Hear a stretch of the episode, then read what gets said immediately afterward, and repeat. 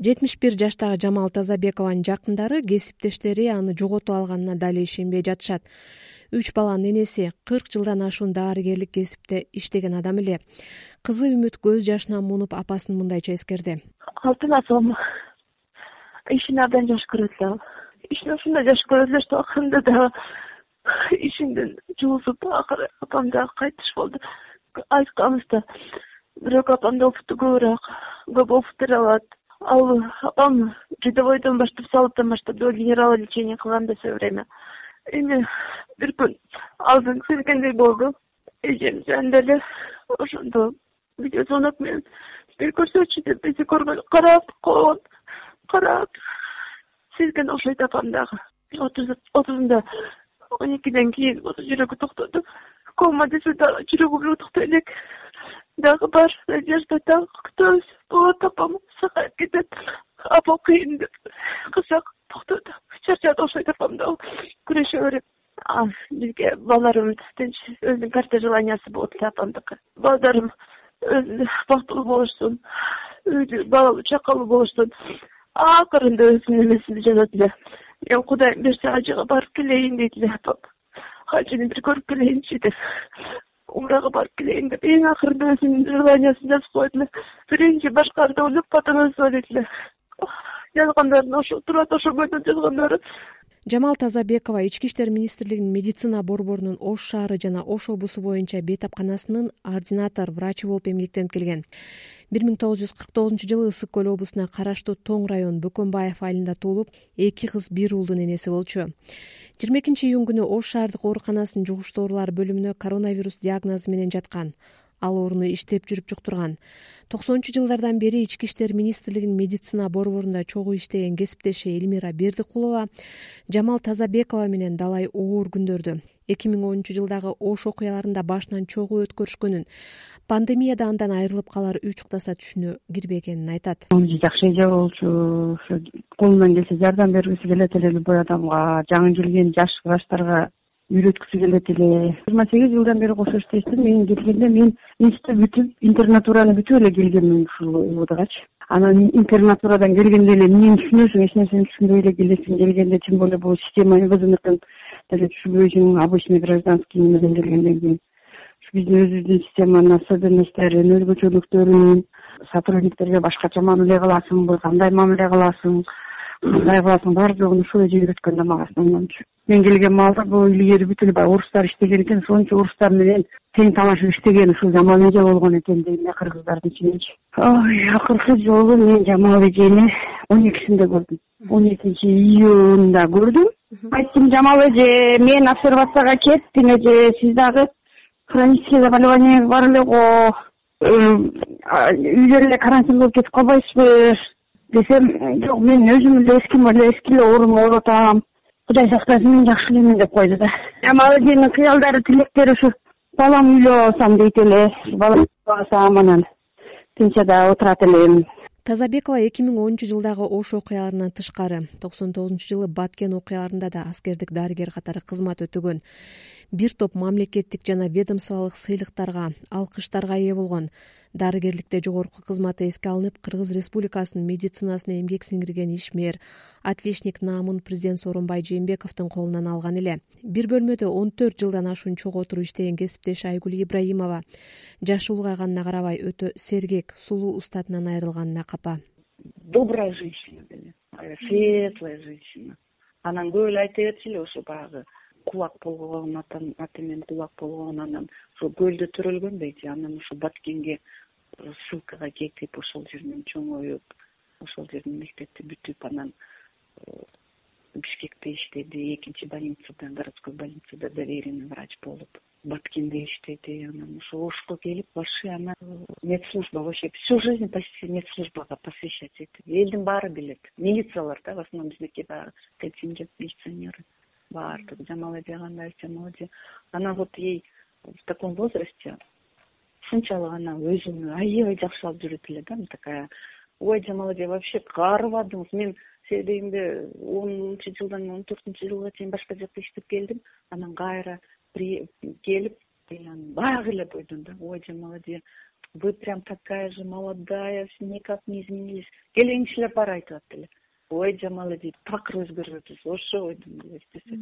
күлүп калчу эле жамалжандын күлкүсүн сагынам ай сиңдиби ай деп койчу эле ай сиңдиби ай деп. Сен ушу экөөбүз ушунча жыл ушу бирге бир кабинетте отурабыз.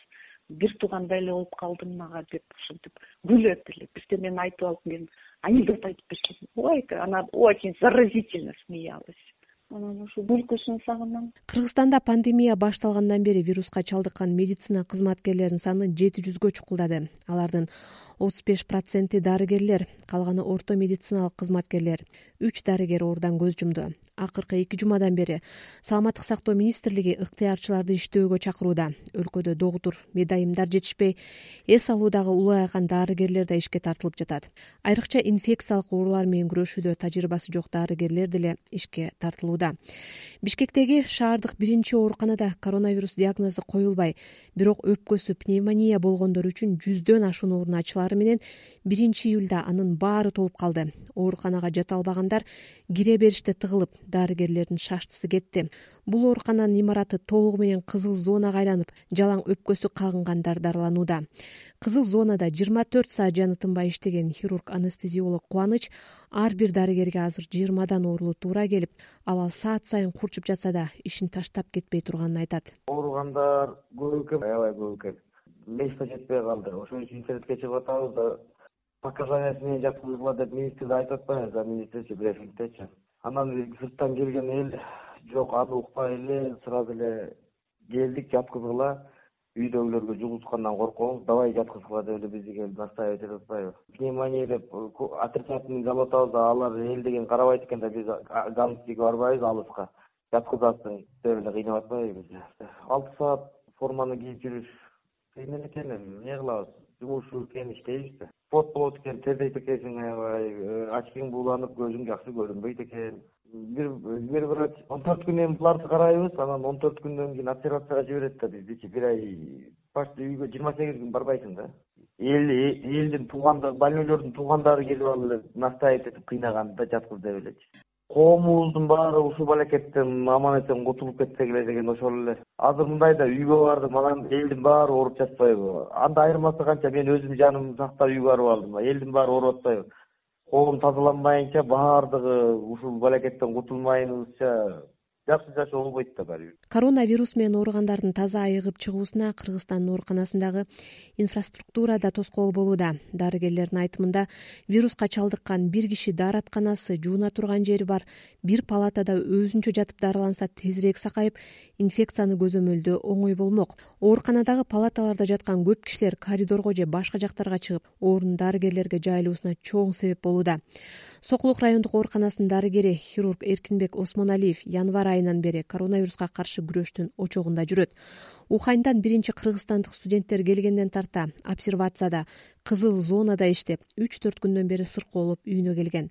Ал кыргызстанда отуз жылдан ашуун өкүм сүргөн саламаттык секторундагы түрдүү натыйжасыз реформалардан улам ушундай оор кырдаалга кабылып азыр мед кызматкерлери гана негизги соккуга учурады деген ойдо. Медицинага образованияга мындай жакшы көңүл бурулган эмес да реформалардын баары оптимизация деп экономить этип койка месттерди канча жылдан бери канча деген койка месттерди сокращать эттик. Ошонун кесепетин азыр көрүп атабыз да мына. Көп допустим пилотный проекттердин баарын экспериментальный кылып здравоохраненияга киргизип коюшкан. Мына эми азыр ойлонот окшойт андай андай уже болбойт экенинчи мындай допустим э, элементарно мына чолпонбаевдин убагында лабораторияларды оптималдаштыруу деген проектке кирип алган да. Донорлук акчалардын баарын алып бүт э, райондун больницаларын лабораторияны жоюп допустим областьта бир эки эле жерге баарын ташымай болуп калган. Эми ушундай кандай болсун? Азыр могу жанагы орустар айтканго было бы счастье да несчастье помогло деп могу кырдаал болбосо ошол бүт лабораториябыздын баарын жоюшат да. Ушундай коркунуч ушундай пайда болгон да эмнеге эле бир донорлордун акчасы кайдан келип атат бул финансирование условияларын диктовать этишет жоюгула эми кыргыз эли кырылсын лабораториясыз калсын деген сөз да.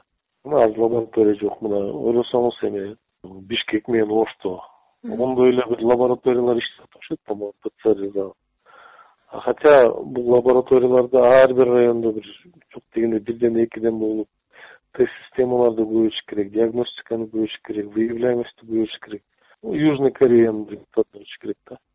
Азыр мына пцр тест да жок ооруп атасыңбы ооруган жоксуңбу тест да кылбай калды уже эки миң он жетинчи жылдагы эсеп боюнча кыргызстанда он алты миң доктур отуз беш миңдей орто билимдүү медициналык кызматкер эмгектенүүдө он миң калкка жыйырма эки дарыгер туура келет. Бирок жалал абад талас нарын областарында он миң калкка жети дарыгерден гана бар. Азырынча коронавирус бишкек чүй облусу ош шаарында көп санда катталууда. Саламаттык сактоо министрлиги адистер тартыш эмес медиктер жетиштүү дегени менен басма сөз кызматы ыктыярдуу иштөөгө дарыгерлер медайымдарды чакырып социалдык медиадан кулактандыруу берип жаткан убагы. Ал эми оору жуктуруп андан каза болгон дарыгерлерге кенемте төлөө тууралуу так маалымат алуу азырынча мүмкүн эмес бойдон калууда. Бактыгүл чыныбаева азаттык бишкек